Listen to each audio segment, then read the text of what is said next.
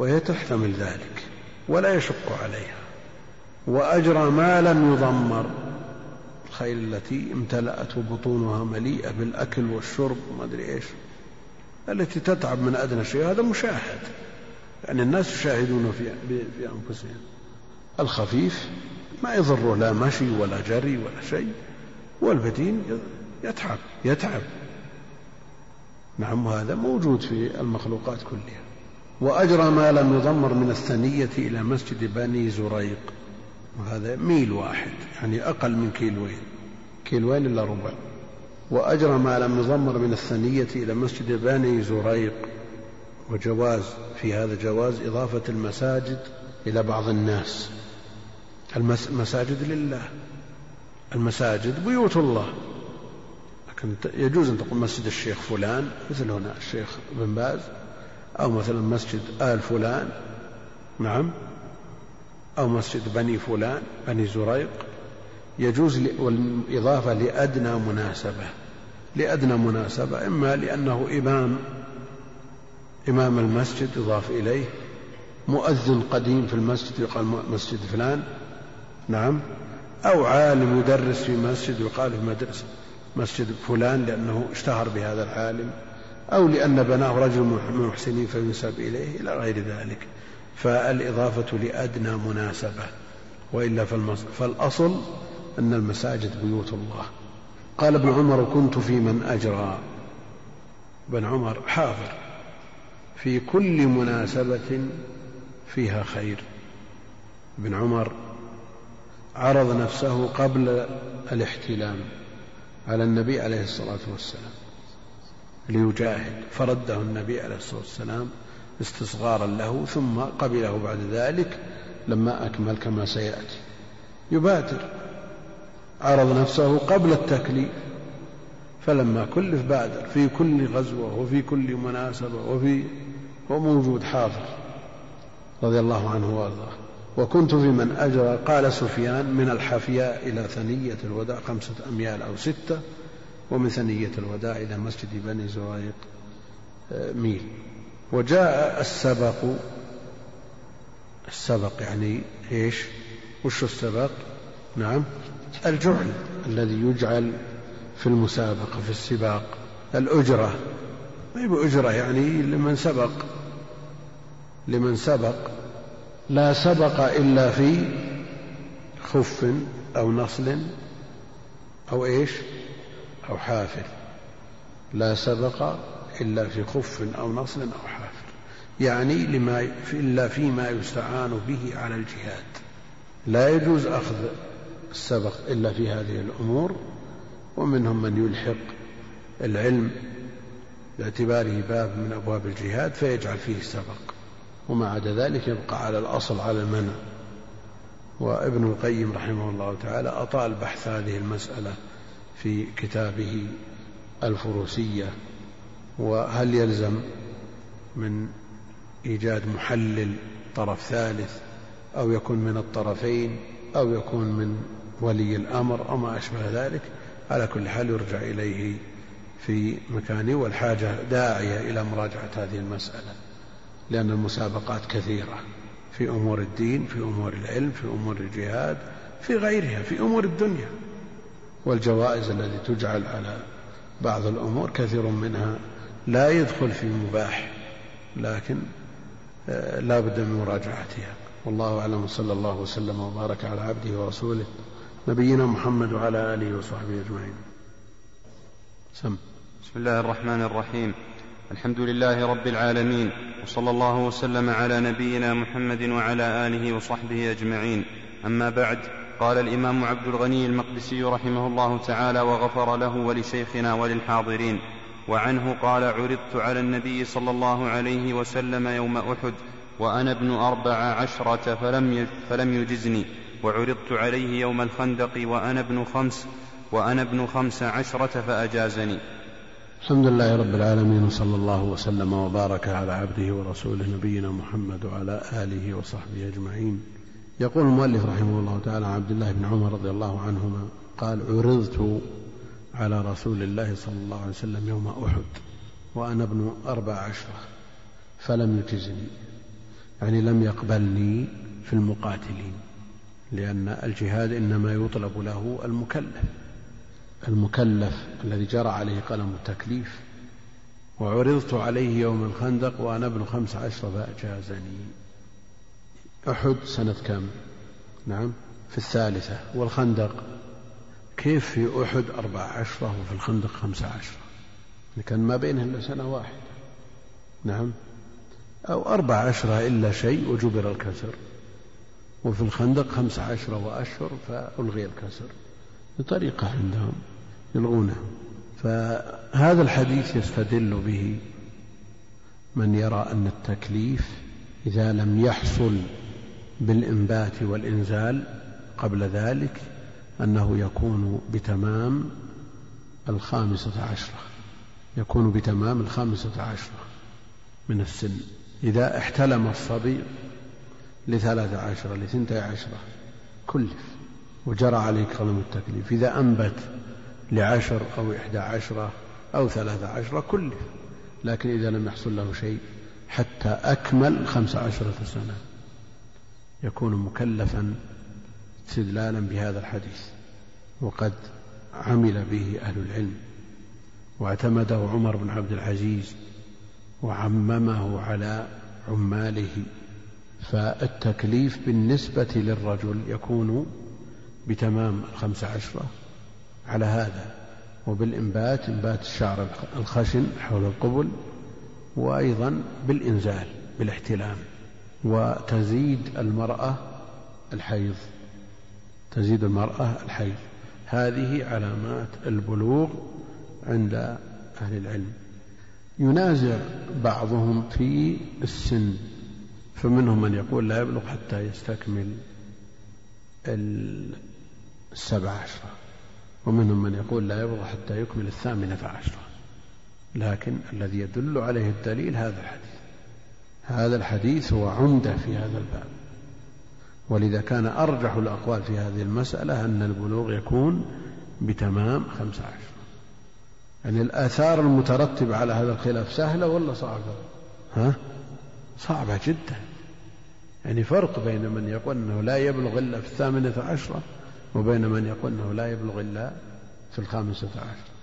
يعني خلال الفرق ثلاث سنوات تصرفات هذا التصرفات في هذه المدة في الفرق بين الخامسة عشرة والثمان عشرة يعني عند من يقول لا يبلغ إلا في الثامنة تصرفات صبي لا يؤاخذ عليه ولا يقتل إذا قتل لأنه غير مكلف. بينما عند من يقول أنه يبلغ في الخامسة عشرة الذي يقول أنه لا يبلغ إلا في الخامسة عشرة يقول أنه مكلف شأنه شأن الكبار. من أكمل الخمسة عشرة مثل الأربعين والستين والسبعين لا فرق. في المؤاخذة. ومما يرجح القول بأن الخمسة عشرة أن الاحتلام لا يتعدى هذا السن إلا نادرا. لا يتعدى الخمس عشر إلا نادرا. ولذا جعلت في الغالب الأعم الأغلب. كما أن أمر الصبي إذا استكمل سبع سنين بالصلاة لأن التمييز لا يتجاوز سبع إلا نادرا والشرع يضع سن تشمل الجميع. لو علق الأمر بالصلاة على التمييز أو علق التكليف بالاحتلام فقط وهذه أمور خفية. تجد صبيان عشر سنين أحد عشرة تسع سنين يلعبون عند باب المسجد. إذا قلت الواحد منهم صل قال أبوه الله ما بعد ميز. نعم. وتجد آخر حريص يأتي بالطفل أبو سنتين وثلاث يؤذي الناس في المسجد ويقول مميز من حرصه وذاك من إهماله. نعم. فلذا جعل الحد للجميع الذي لا يتعداه إلا القليل النادر دون تمييز وهو السبع وقل مثل هذا في الخمسة عشرة. لا يتعدى الخمسة عشرة ولما يحتلم إلا القليل النادر والقليل النادر لا حكم له. نعم.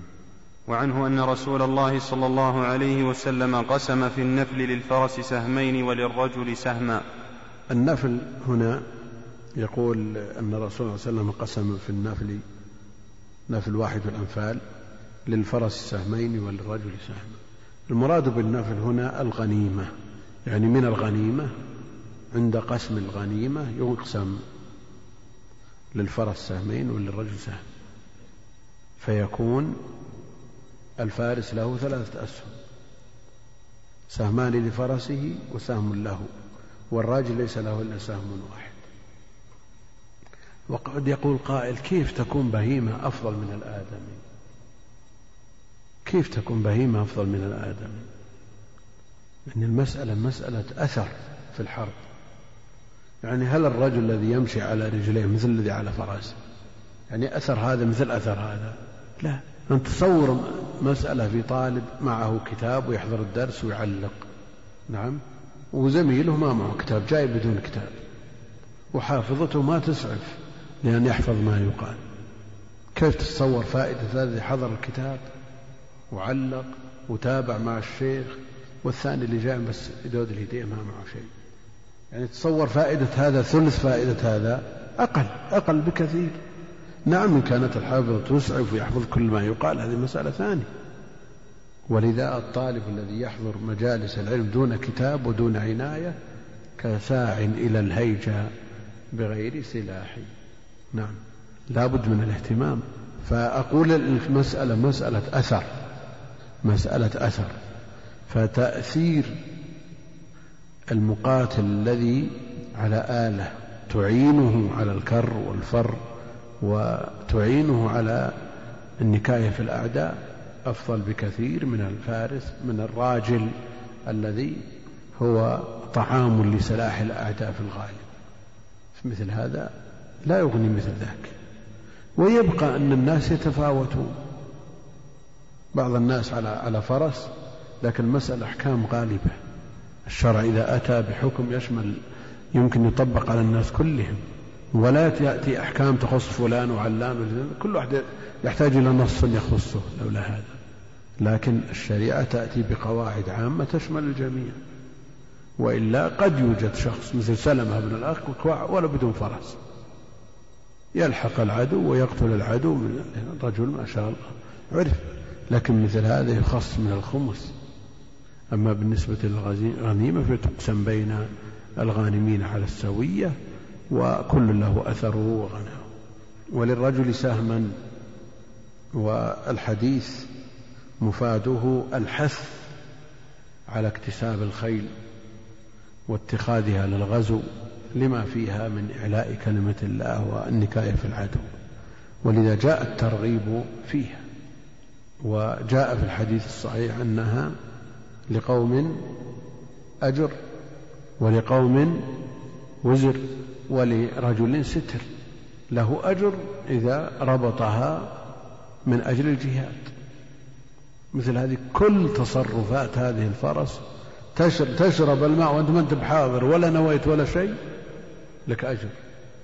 تأكل طعامها وأنت ما نويت هذا الطعام ولا نيتك العامة تجعل لك أجر في جميع تصرفات هذه الفرس. أما من يرصدها فخر وخيلاء ونواء للإسلام هذا عليه وزر نسأل الله السلامة والعافية. في هذا الحث على اتخاذ الخيل. الحث على اتخاذ الخيل. نعم. وعنه أن رسول الله صلى الله عليه وسلم كان ينفل بعض من يبعث من السرايا لأنفسهم خاصة سوى قسم, سوى قسم عامة الجيش. وعنه يعني عبد الله بن عمر رضي الله تعالى عنهما أن رسول الله صلى الله عليه وسلم كان ينفل بعض من يبعث من السرايا لأنفسهم خاصة سوى قسم عامة الجيش. تقدم أن هناك سرية خرجت إلى نجد في حديث التاسع وأصابوا إبلا وغنم فبلغت السمان ونفلهم رسول الله صلى الله عليه وسلم أيضا. زادهم على ما يستحقونه من الغنيمة. زادهم على ما يستحقونه من الغنيمة. فهذه السرايا التي تبعث قطعة من الجيش تنبعث إلى العدو دون أن ينهض الجيش الذي فيه النبي عليه الصلاة والسلام والذي فيه الإمام. هؤلاء يستحقون زيادة. هؤلاء يستحقون الزيادة عن غيرهم ممن لم ينبعث إلى العدو إلا مع الإمام. فهم يستحقون الزيادة بهذا لزيادة عملهم. نعم. وعن أبي موسى عبد الله بن قيس رضي الله عنه أن النبي صلى الله عليه وسلم قال من حمل علينا السلاح فليس منا. يقول المؤلف رحمه الله تعالى عن أبي موسى عبد الله بن قيس الأشعري رضي الله تعالى عنه عن النبي عليه الصلاة والسلام قال من حمل علينا السلاح فليس منا. يعني حمل السلاح لقتال المسلمين موبقه من الموبقات. كبيرة من كبائر الذنوب نسأل الله السلامة والعافية. القتل شأنه عظيم شأنه عظيم. فمن حمل السلاح على المسلمين وأراعهم وسعى في اختلال أمنهم اندرج تحت هذا الحديث. من حمل علينا السلاح فليس منا. والخارجون على الإمام الخارجون على الإمام آه، لا يخلون من أحوال فإن كان مع خروجهم على الإمام مصحوب بتكفير للمسلمين بمجرد ارتكابهم بعض الذنوب الكبائر فهؤلاء خوارج حكمهم حكم الخوارج. إذا صحب حملهم السلاح ورأوا السيف على المسلمين وكفروهم بالذنوب هؤلاء هم الخوارج. إن حملوا السلاح على المسلمين وشقوا عصا الطاعة وخرجوا على الإمام ولهم شوكة ومنعة ولهم تأويل سائغ هؤلاء هم البغاة البغاة. هؤلاء إن حملوا السلاح على المسلمين خرجوا عن طاعة الإمام وليست لهم شوكة ولا منعة. هؤلاء هم قطاع الطريق. هؤلاء هم قطاع الطريق. ولكل من هذه الأصناف ما يخصهم من حكم الخوارج لهم حكم عند أهل العلم البغاة لهم أحكام قطاع الطريق لهم أحكام. هذا تفصيل هذه المسألة عند أهل العلم. وإذا تكلم الإنسان يتكلم بدقة. يتكلم بدقة. فقطاع الطريق لهم أحكام. ومقاتلة الجميع من هذه الفئات الثلاث واجب. إذا قاتلوا قتالهم واجب. بل من أوجب الواجبات على ولي الأمر. وكف أذاهم عن المسلمين أمر لا بد منه. لكن كل له ما يخصه من حكم والشرع ما أهمل شيء. ونزل كل تصرف له منزلته في الشريعة وكل عمل له حكمه في الشرع. من حمل علينا السلاح يعني من أجل قتالنا فليس منا. أما إذا كان مستحلا لذلك مستحلا لقتال المسلمين وقتلهم. هذا على ظاهره الحديث على ظاهره. يخرج عن الإسلام يكفر بذلك. إذا استحل ذلك كفر. لأنه استحل أمرا معلوما من الدين بالضرورة فيكفر. إذا كان مستحلا لذلك. استحل قتل المسلمين والقتل شأنه عظيم. ولذا قرن بالشرك. والذين لا يدعون مع الله إلها آخر ولا يقتلون النفس التي حرم الله إلا بالحق ولا يزنون فالشرك شأنه خطير. من أعظم ما يخل بالأمن الشرك. وليبدلنهم بعد خوفهم أمنا يعبدونني لا يشركون بشيئا فمن أعظم ما يخل بالأمن الشرك. ثم يليه القتل. ولا يقتلون النفس التي حرم الله إلا بالحق ولا يزنون. جاء في آية النساء ومن يقتل مؤمنا متعمدا فجزاؤه جهنم خالدا فيها. ولا يزال المسلم في فسحة من دينه حتى يصيب دما حراما. فالقتل شأنه عظيم وأمره خطير. والثالث الذي قرن بهذين الأمرين لعظمته أيضا الزنا. فالزنا شأنه عظيم. ولا يقتل النفس التي حرم الله إلا بالحق ولا يزنون. فكما يجب إنكار الشرك يجب إنكار القتل يجب إنكار الزنا يجب تغيير هذا المنكر باليد إن أمكن وهذا لولي الأمر إن لم يمكن فباللسان وهذا لمن عرف الحكم من أهل العلم وطلاب العلم الذي لا يستطيع شيئا معذور في القلب. لكن الذي لا ينكر هذه الأمور بالقلب ليس عنده أدنى شيء من إيمان. نسأل الله السلامة والعافية. نعم. عن أبي موسى رضي الله عنه قال سئل رسول الله صلى الله عليه وسلم عن الرجل يقاتل شجاعة ويقاتل حمية ويقاتل رياء أي ذلك في سبيل الله عز وجل؟ فقال رسول الله صلى الله عليه وسلم من قاتل, من قاتل لتكون كلمة الله هي العليا فهو في سبيل الله. يقول رحمه الله تعالى وعن أبي موسى رضي الله تعالى عنه قال سئل رسول الله صلى الله عليه وسلم عن الرجل يعني جنس.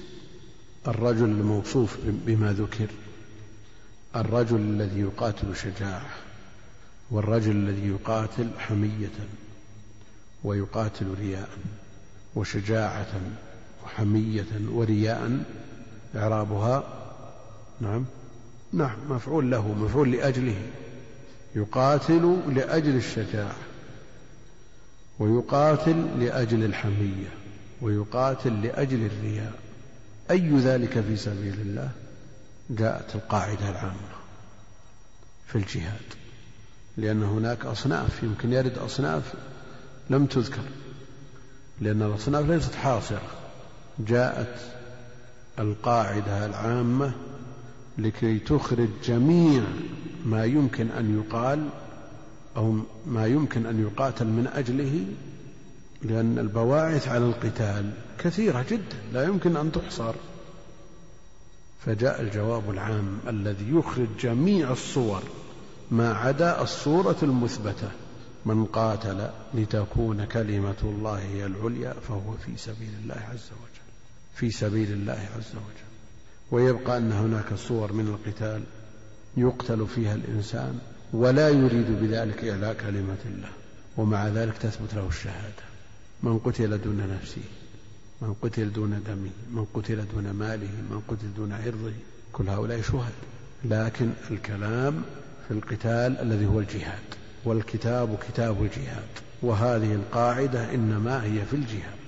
فمن قاتل لتكون كلمة الله هي العليا فهو في سبيل الله. هذا الذي تثبت له أحكام المجاهد.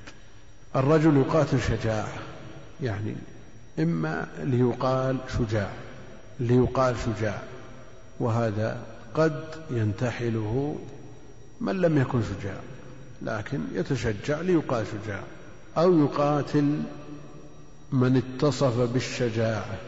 ومثل هذا هو شجاع. يذم إذا كان شجاع. يقاتل لإعلاء كلمة الله تعالى لتكون كلمة الله هي العليا وهو شجاع. يعني كونه موصوف بالشجاعة يؤثر ولا ما يؤثر أو ذا مطلوب في القتال. هذا مطلوب في القتال. لا لذات الشجاعة. فالشجاعة مطلوبة. لكن بعض الناس إما يقاتل ليقال شجاع سواء اتصف بالوصف أم لا. وإما أن يقاتل والباعث له على القتال الشجاعة. فقط رجل شجاع متهيئ للقتال باستمرار.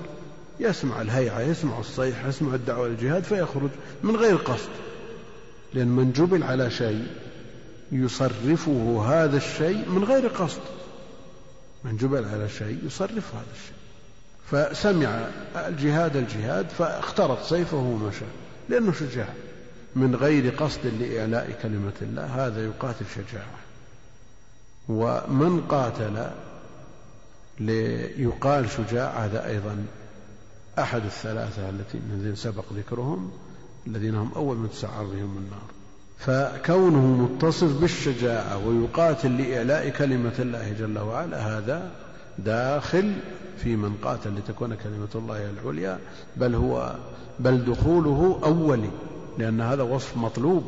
إنما الوصف المذموم الذي يقاتل الشجاعة إنما أن يكون الباعث له الشجاعة من غير نظر إلى قصد إعلاء كلمة الله أو ليقال شجاع وهذا أسوأ.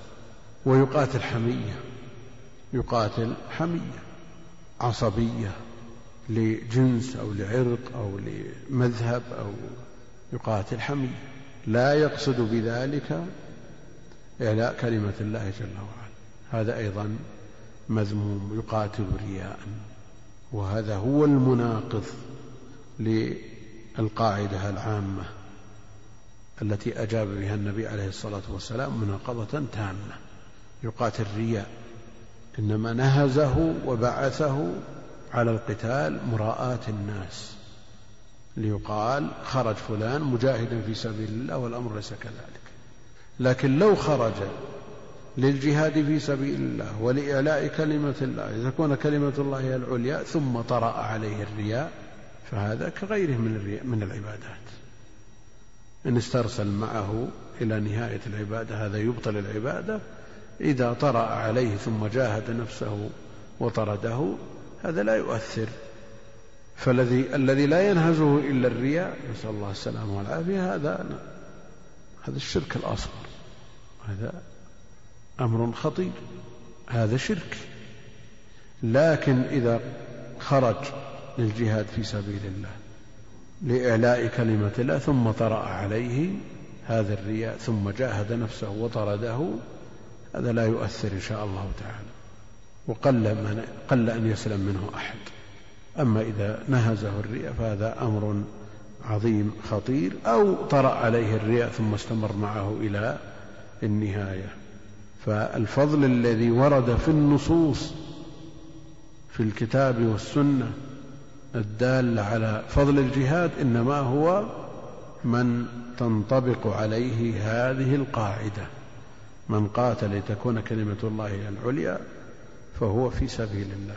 يقاتل شجاعة يقاتل حمية يقاتل رياء. الذي يقاتل للمغنم يقاتل للمغنم أو يقاتل لأن هذه وظيفته. موظف في الجيش. عسكري في الجيش. جاء القتال قال هذه وظيفتك اشتغل يلا. أو قاتل للمغنم. هذا ليس مثل الذي يقاتل رياء. إن لا شك أن فيه تشريك. في شيء من التشريك تشريك العبادة بغيرها. لكن إذا شرك الإنسان ما دل الشرع على جواز تشريكه نعم. العمل صحيح. وإن نقص أجره كالمغنم. كالمغنم. طيب هذا قاتل لينال الشهادة فيدخل الجنة. قاتل لينال الشهادة فيدخل الجنة. في آخر سورة الكهف آخر آية في سورة الكهف آه فمن كان يرجو لقاء ربه فليعمل عملا صالحا ولا يشرك بعبادة ربه أحد. قال بعضهم أن الذي يعمل يصلي ويصوم ويتعبد لله جل وعلا رجاء ثواب الجنة أو خوف من النار هذا أشرك لأنه ما عمل لله جل وعلا إنما عمل من أجل خلاص نفسه عمل ليدخل الجنة عمل لينجو من النار لكن من الذي أوجد الجنة والنار؟ من الذي مدح الجنة وأثنى على أهل الجنة؟ من الذي ذم النار وذكر شناعة النار وعظم النار؟ هو الله جل وعلا. ذكره لهذه الأمور عبث ولا من أجل أن تدخل في القصد؟ نعم. ترى محل دقيق جدا مثل هذا دقيق جدا. ولا يشرك فمن كان يرجو لقاء ربه فليعمل عملا صالحا. يعني خالصا لله جل وعلا ويشرك بعبادة ربه أحدا نكرة في سياق النهي فتعم. أي شيء. لكن الذي يتعبد من أجل أن يدخل الجنة أو يتعبد لينجو من النار هذا مشرك ولا لا؟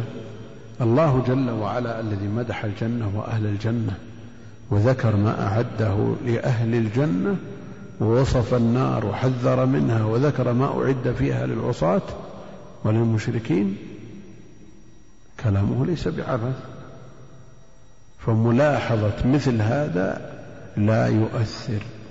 ونظير ذلك نظير ذلك لو هددك من يملك أو يستطيع أذاك وبيده سيف. خوفك من السيف ومن الذي يحمل السيف. نعم الذي يحمل السيف. فأنت إنما خفت الله جل وعلا الذي أوجد هذه النار التي يعذب بها. فخوفك من عذابه خوف منه. لأنه يوجد الآن من بعض المتصوف من يتحدث حول هذه الآية ويدخل فيها كل شيء. ليتعبد بالمحبة. لا خوف ولا رجاء. وأهل العلم يقررون أن من يتعبد بالمحبة فقط وهو زنديق. يقول إذا تعبدت خوف أو تعبدت رجاء فأنا أشركت ولاحظت حظ نفسي ولم أعبد الله خالصا أن عبدت من أجل الجنة أو النار نقول لا يا أخي أنت لا تعبد الجنة ولا تعبد النار. ولا تخاف ولا تخاف النار لذاتها ولا ترجو الجنة لذاتها. إنما ترجو من أعدها وتخاف من أعدها فهذه من الدقائق التي ينبغي أن يتنبه لها. كلمة الله هي لفظ الشهادة التي يدخل بها الناس الإسلام أن أقاتل الناس حتى يقولوا لا إله إلا الله. هذه كلمة الله. سم. قال رحمه الله تعالى كتاب العتق. عن عبد الله بن عمر رضي الله عنهما أن رسول الله صلى الله عليه وسلم قال من اعتق شركا له في عبد فكان له مال يبلغ ثمن العبد قوم عليه قيمة عدل فأعطى شركاءه حصصهم وعتق عليه العبد وإلا فقد عتق منه ما عتق. العتق تحرير الرقاب وتخليصها من الرق والرق يعرفها أهل العلم بأنه عجز حكمي يقوم بالمرء سببه الكفر. السبب الأصلي الكفر لأن الأرقاء إنما يسترقون في الجهاد في السبي هذا الأصل ثم يتوالدون. وهو عجز حكمي فمن الأرقاء من هو أقوى حقيقة من أكثر من, من أكثر الأحرار. لكنه عجز حكمي تقييد لتصرفات هذا العبد المسترق. وجاء فضل العتق عتق الرقاب وتشوف الشرع لعتقها وجعله كفارة لكثير من المخالفات كفارة مقدمة في كثير من المخالفات وجاء الحث عليه. فلا اقتحم العقبة فك رقبة. يعني عتق. من اعتق نعم من اعتق عبدا اعتقه الله به من النار. ومن اعتق من اعتق امرأتين كانتا فكاكا له من النار. وهذا من المواضع التي فيها المرأة على النصف من الرجل في العتق.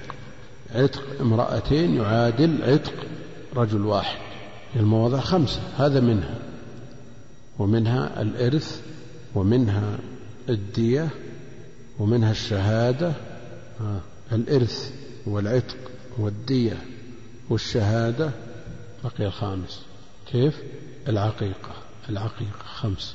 فمن أعتق امرأتين كانتا فكاكا له من النار وجاءت النصوص الكثيرة المتضافرة بفضل العتق وهو تحرير الأرقة وتخليصهم من الرق. وجاءت نصوص الكتاب والسنة تدل على فضله. عن عبد الله بن عمر رضي الله عنهما أن رسول الله صلى الله عليه وسلم قال من أعتق شركا له في عبد شخص يملك ربع عبد ثلث عبد وله فيه شريكان أو ثلاثة. فكان له مال يبلغ ثمن العبد قوم عليه قيمة عدل. يعني هذا العبد له ربعه والعبد بأربعة آلاف. إن كان عنده ثلاثة آلاف نعم فكان له مال يبلغ ثمن العبد قوم عليه قيمة عدل. يعني قيمة العبد أربعة آلاف. ولك ربعه. وعندك ثلاثة آلاف عندك مال يبلغ ثمن العبد. قوم عليه قيمة عدل. فأعطي فأعطى الشركاء حصصهم. يعطي الشريك ألف والثاني ألف والثالث ألف وعتق عليه العبد. هذا إذا كان له مال. لماذا؟ لأن الشرع يتشوف إلى الحرية التامة إلى تحرير الأرقة لأن كونه مبعض لا يزال عبد. ليس بحر تصرفاته محدودة ومشغول بخدمة أسياده وقد جاء ما يدل على فضل الرق يعني كون الإنسان رقيق العبد المملوك له أجران إذا وفى حقوق الله جل وعلا وحقوق سيده. في الحديث الصحيح لولا لولا الجهاد وبر أمي لا أحببت أن أموت وأنا مملوك. لكن هذا قرر أهل العلم أنه مدرج من كلام أبي هريرة. على كل حال الشرع لا يظلم فكون الإنسان حر لا شك أن هذا أكمل في الميزان الشرعي والعبودية نقص لكن في مقابل هذا النقص شرع في الشرع أمور كما أن الذكورة كمال والأنوثة نقص وشرع في الشريعة جاء في شريعتنا ولله الحمد المبنية على العدل والإنصاف ما يسد هذا النقص. فكون المملوك له أجران هذا إهدار لهذا الشخص الذي حكم عليه من غير يد منه ولا قدرة له على التحرير. كونه يجب عليه يجب له النفقة على سيده والمرأة تجب عليها النفقة على زوجها. أيضا هذا من عدل الإسلام. يعني تصور لو كان مملوك ونفقة سيده عليه ونفقة أولاد سيده هذا ظلم. ما يأتي الشرع بمثل هذا ولا يجوز أن يكلف العبد ما لا يطيق ولا يجوز أن يهان ولا أن يضرب ولا يعير. نعم إذا أخطأ نعم. وجاء في الزانية الأمة إذا زنت إذا زنت أمة أحدكم فليجلدها الحد ولا يثرب عليها. خفف عنها حتى الحد عليها نصف حد. لماذا؟ في مقابل ما, في ما هي فيه من امتهان من قبل أسيادها. فهذا تخفيف من الشارع عليها. إذا زنت أمة أحدكم ولا يثرب عليها. ثم إذا زنت فليجلدها الحد ولا يثرب عليه. ثم إذا زنت فليبيعها ولو بظفير. فالشارع يعني وضع هناك أمور تقابل هذا النقص. لا شك أن الرجل في الجملة أكمل مع أنه يوجد في النساء من هي خير من كثير من الرجال لكن المسألة تفضيل إجمالي. كما أنه يوجد في العبيد من هو من أفضل من ألف من سيده في الميزان الشرعي.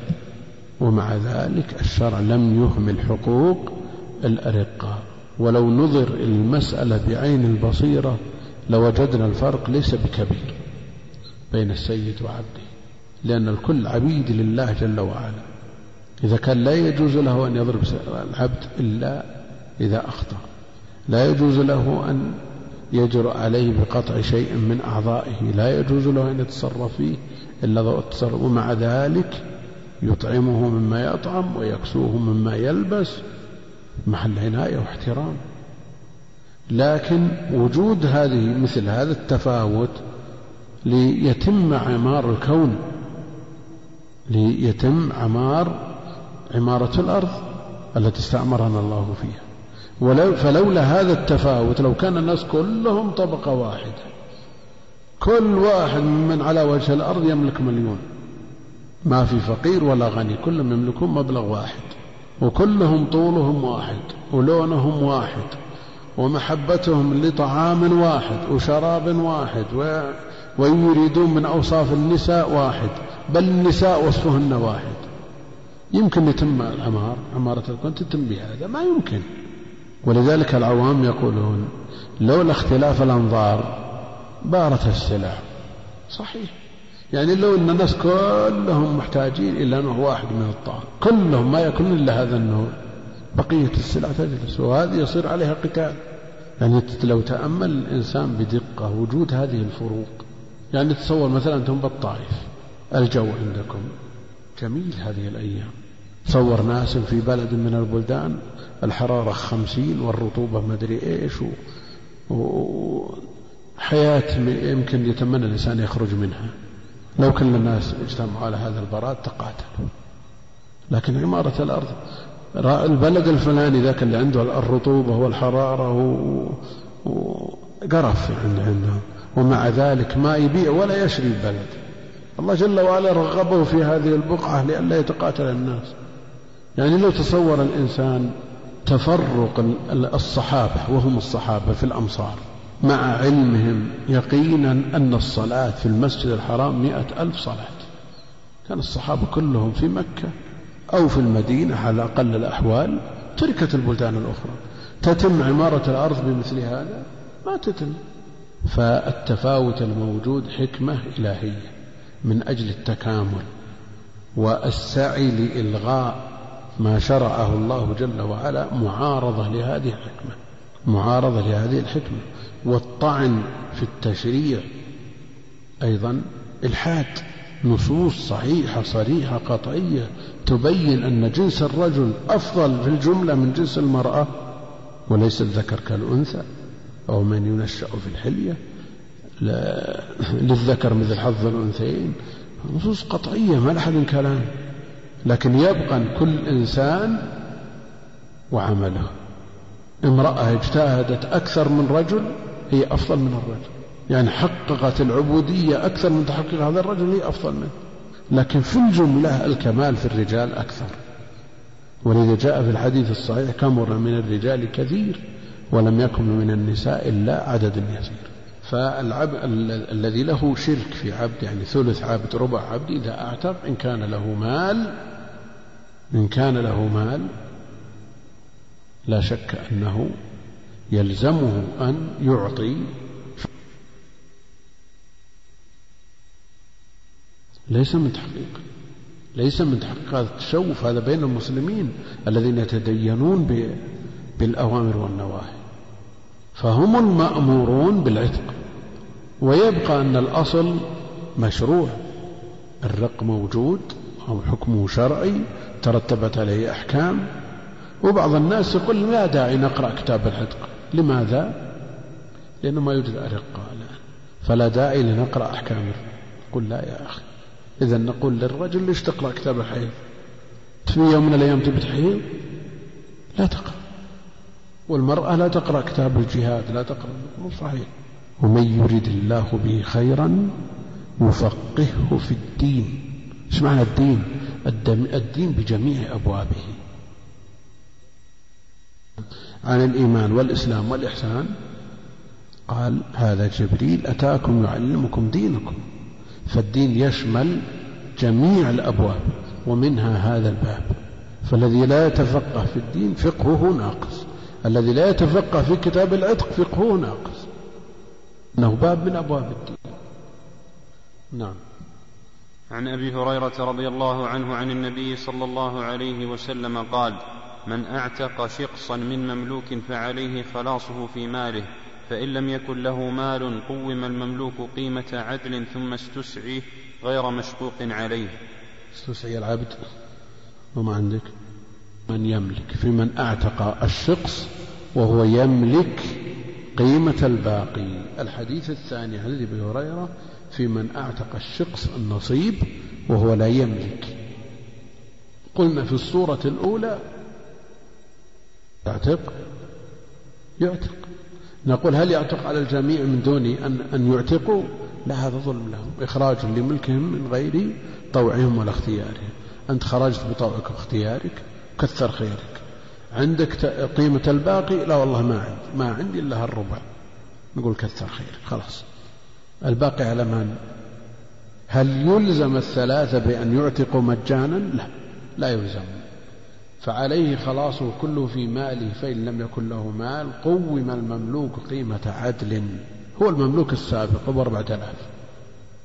يبقى ثلاثة آلاف استسعي العبد. بتحصل يوميا أحصل مئة ريال. تحصل مئة ريال تعطي هؤلاء كل واحد ثلاث ثلاثين يوميا. أو تأخذ ما يكفيك منها تأخذ عشرة عشرين طعام وتوزع الباقي على هؤلاء الثلاثة. لابد تحصل خمسمائة. لأن المشقة تدعوه إلى أمور ارتكاب مخالفات يمكن تضطر إلى سرقة. الآن أهل الليموزينات لما يقرر عليهم مبلغ يقال عليك مئة ريال يومي يستطيع المئة لكن لو قيل عليك تسيء إلى الناس. يعني تصور هذا العبد لا يستطيع أن يكتسب إلا مئة. نقول هذه مئة. عشرين ثلاثين يكفيك أكل يكفي. سبعين توزع على الثلاثة حتى ينتهي نصيبهم. وهذا معنى ثم استسعي العبد غير مشقوق عليه. نعم. عن جابر بن عبد الله رضي الله عنهما قال دبر رجل من الأنصار غلاما له وفي لفظ بلغ النبي صلى الله عليه وسلم أن رجلا من أصحابه أعتق غلاما عن دبر لم يكن له مال غيره فبذل ثمنه إليه. آخر كتاب العمدة في الأحكام. الحمد لله رب العالمين وصلى الله على سيدنا محمد وآله وصحبه وسلم تسليما كثيرا إلى يوم الدين.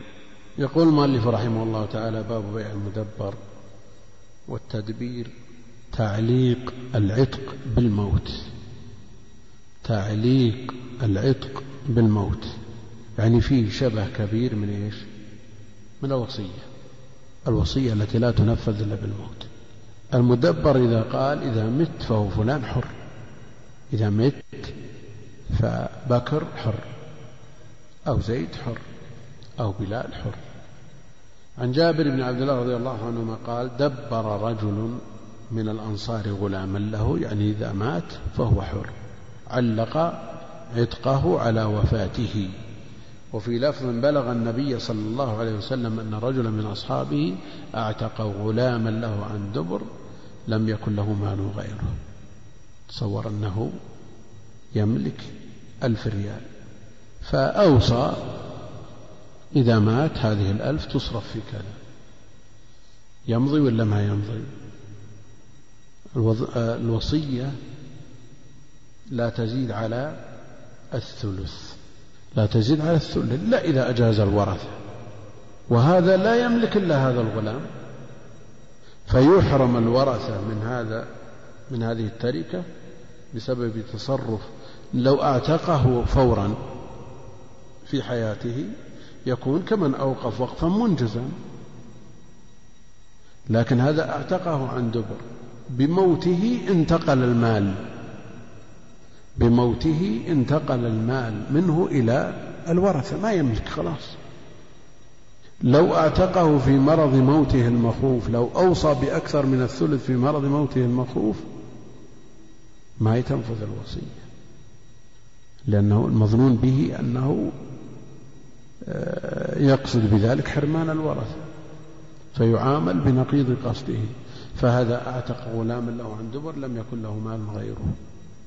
والمال بموته ينتقل هذا العبد ينتقل بموته إلى ورثته فباعه بثمانمائة درهم. النبي عليه الصلاة والسلام باع هذا الغلام بثمانمائة درهم ثم أرسل بثمنه إليه.